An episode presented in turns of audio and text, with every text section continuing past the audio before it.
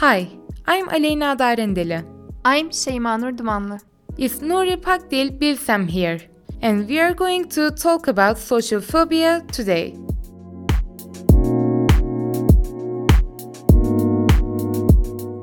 What is social phobia? It's natural to feel self conscious, nervous, or shy in front of others at times. Most people get through these moments when they need to. But for some, the anxiety that goes with feeling shy or self conscious can be extreme. When people feel so self conscious and anxious that it prevents them from speaking up or socializing most of the time, it's probably more than shyness. It may be an anxiety condition called social phobia, also called social anxiety. What happens when someone has social phobia? Extreme feelings of shyness and self consciousness build into a powerful fear. As a result, a person feels uncomfortable participating in everyday social situations. People with social phobia can usually interact easily with family and a few close friends, but meeting new people, talking in a group, or speaking in public can cause their extreme shyness to kick in. With social phobia, a person's extreme shyness, self consciousness, and fears of embarrassment get in the way of life. Instead of enjoying social activities, people with social phobia might dread them and avoid some of them altogether.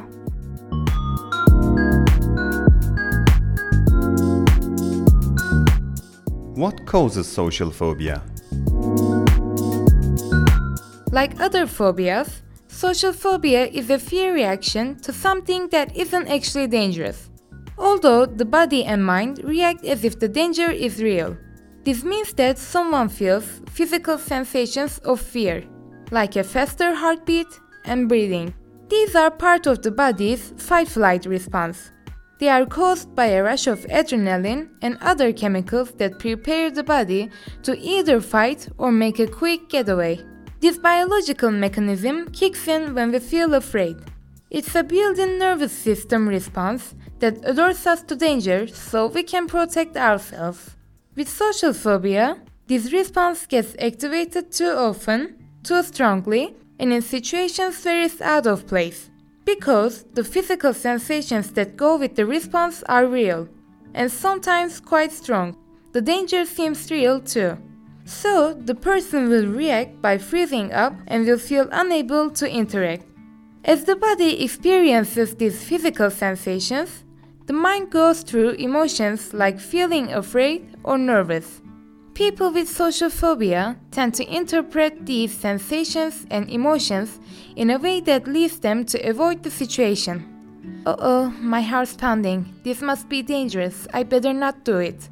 Someone else might interpret the same physical sensations of nervousness a different way. Okay, that's just my heart beating fast. It's me getting nervous because it's almost my turn to speak. It happens every time, no big deal.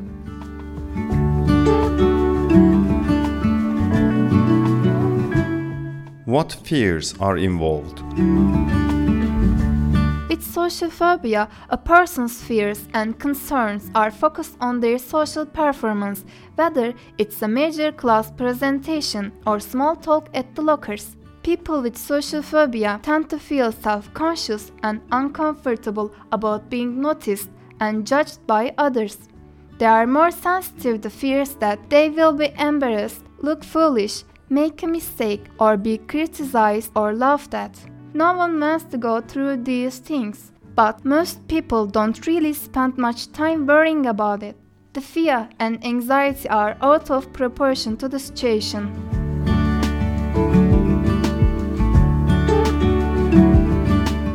How can social phobia affect someone's life? With social phobia, thoughts and fears about what others think get exaggerated in someone's mind. The person starts to focus on the embarrassing things that could happen instead of the good things. This makes a situation seem much worse than it is and influences a person to avoid it. Some of the ways social phobia can affect someone's life include feeling lonely or disappointed over missed opportunities for friendship and fun. Social phobia might prevent someone from chatting with friends in the lunchroom, joining an after school club, going to a party, or asking someone on a date. Not getting the most out of school. Social phobia might keep a person from volunteering an answer in class, reading aloud, or giving a presentation. Someone with social phobia might feel too nervous to ask a question in class or go to a teacher for help, missing a chance to share their talents and learn new skills. Social phobia might prevent someone from auditioning for the school play, being in the talent show, trying out for a team, or joining in a service project. Social phobia not only prevents people from trying new things, it also prevents them from making the normal, everyday mistakes that help people improve their skills still further.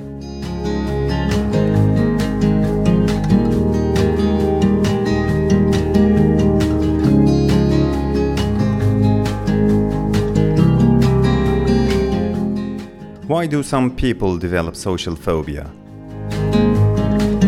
Kids, teens, and adults can have social phobia. Most of the time, it starts when a person is young. Like other anxiety based problems, social phobia develops because of a combination of three factors. A person's biological makeup, social phobia could be partly due to genes and temperament a person inherits. Inherited genetic traits from parents and other relatives can influence how the brain senses and regulates anxiety, shyness, nervousness, and stress reactions.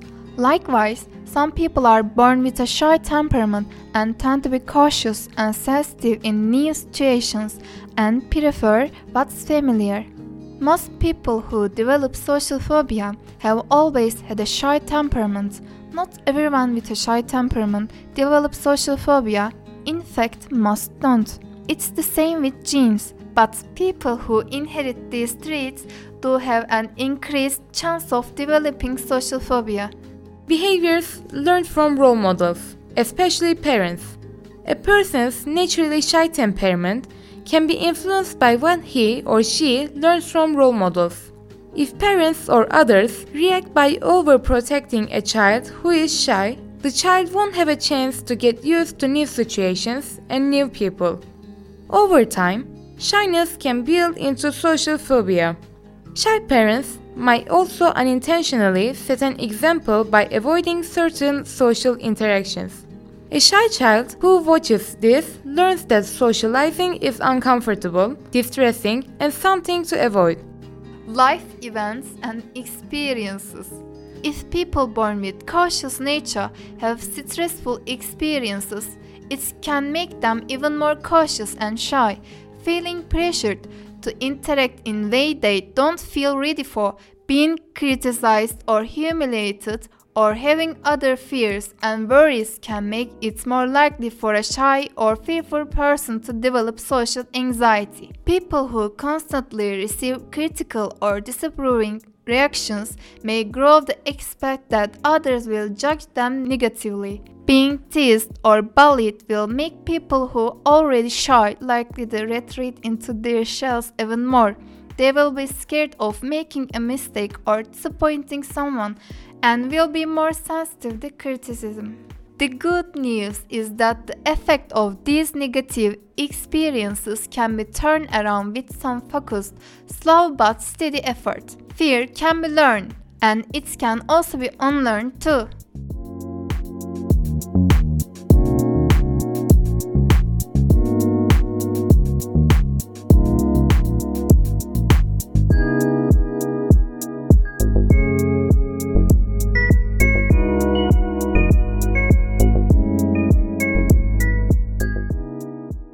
Dealing with social phobia.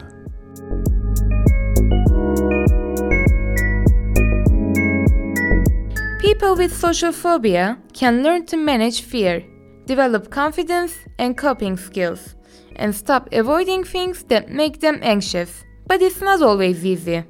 Overcoming social phobia means getting up the courage it takes to go beyond what's comfortable. little by little. Here is who can support and guide people in overcoming social phobia. Therapists can help people recognize the physical sensations caused by fight flight and teach them to interpret these sensations more accurately. Therapists can help people create a plan for facing social fears one by one and help them build the skills and confidence to do it. This includes practicing new behaviors.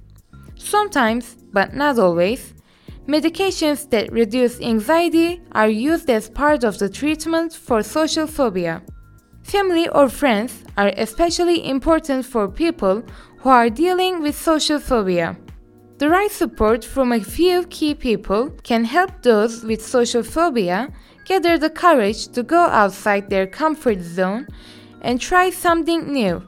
Put downs, lectures, criticisms, and demands to change don't help and just make a person feel bad.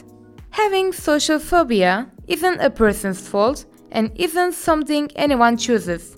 Instead, friends and family can encourage people with social phobia to pick a small goal to aim for. Remind them to go for it and be there when they might feel discouraged. Good friends and family are there to celebrate each small success along the way.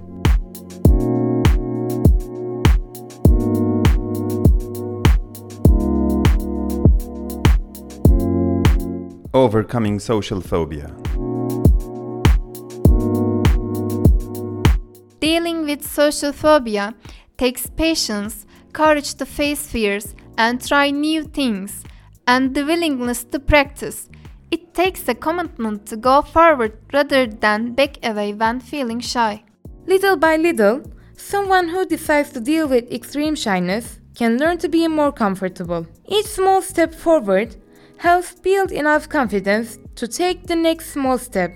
As shyness and fears begin to melt, confidence and positive feelings build. Pretty soon, the person is thinking less about what might feel uncomfortable and more about what might be fun.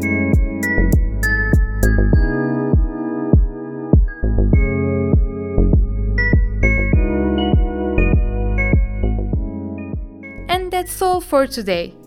I'm Aleyna Darendeli.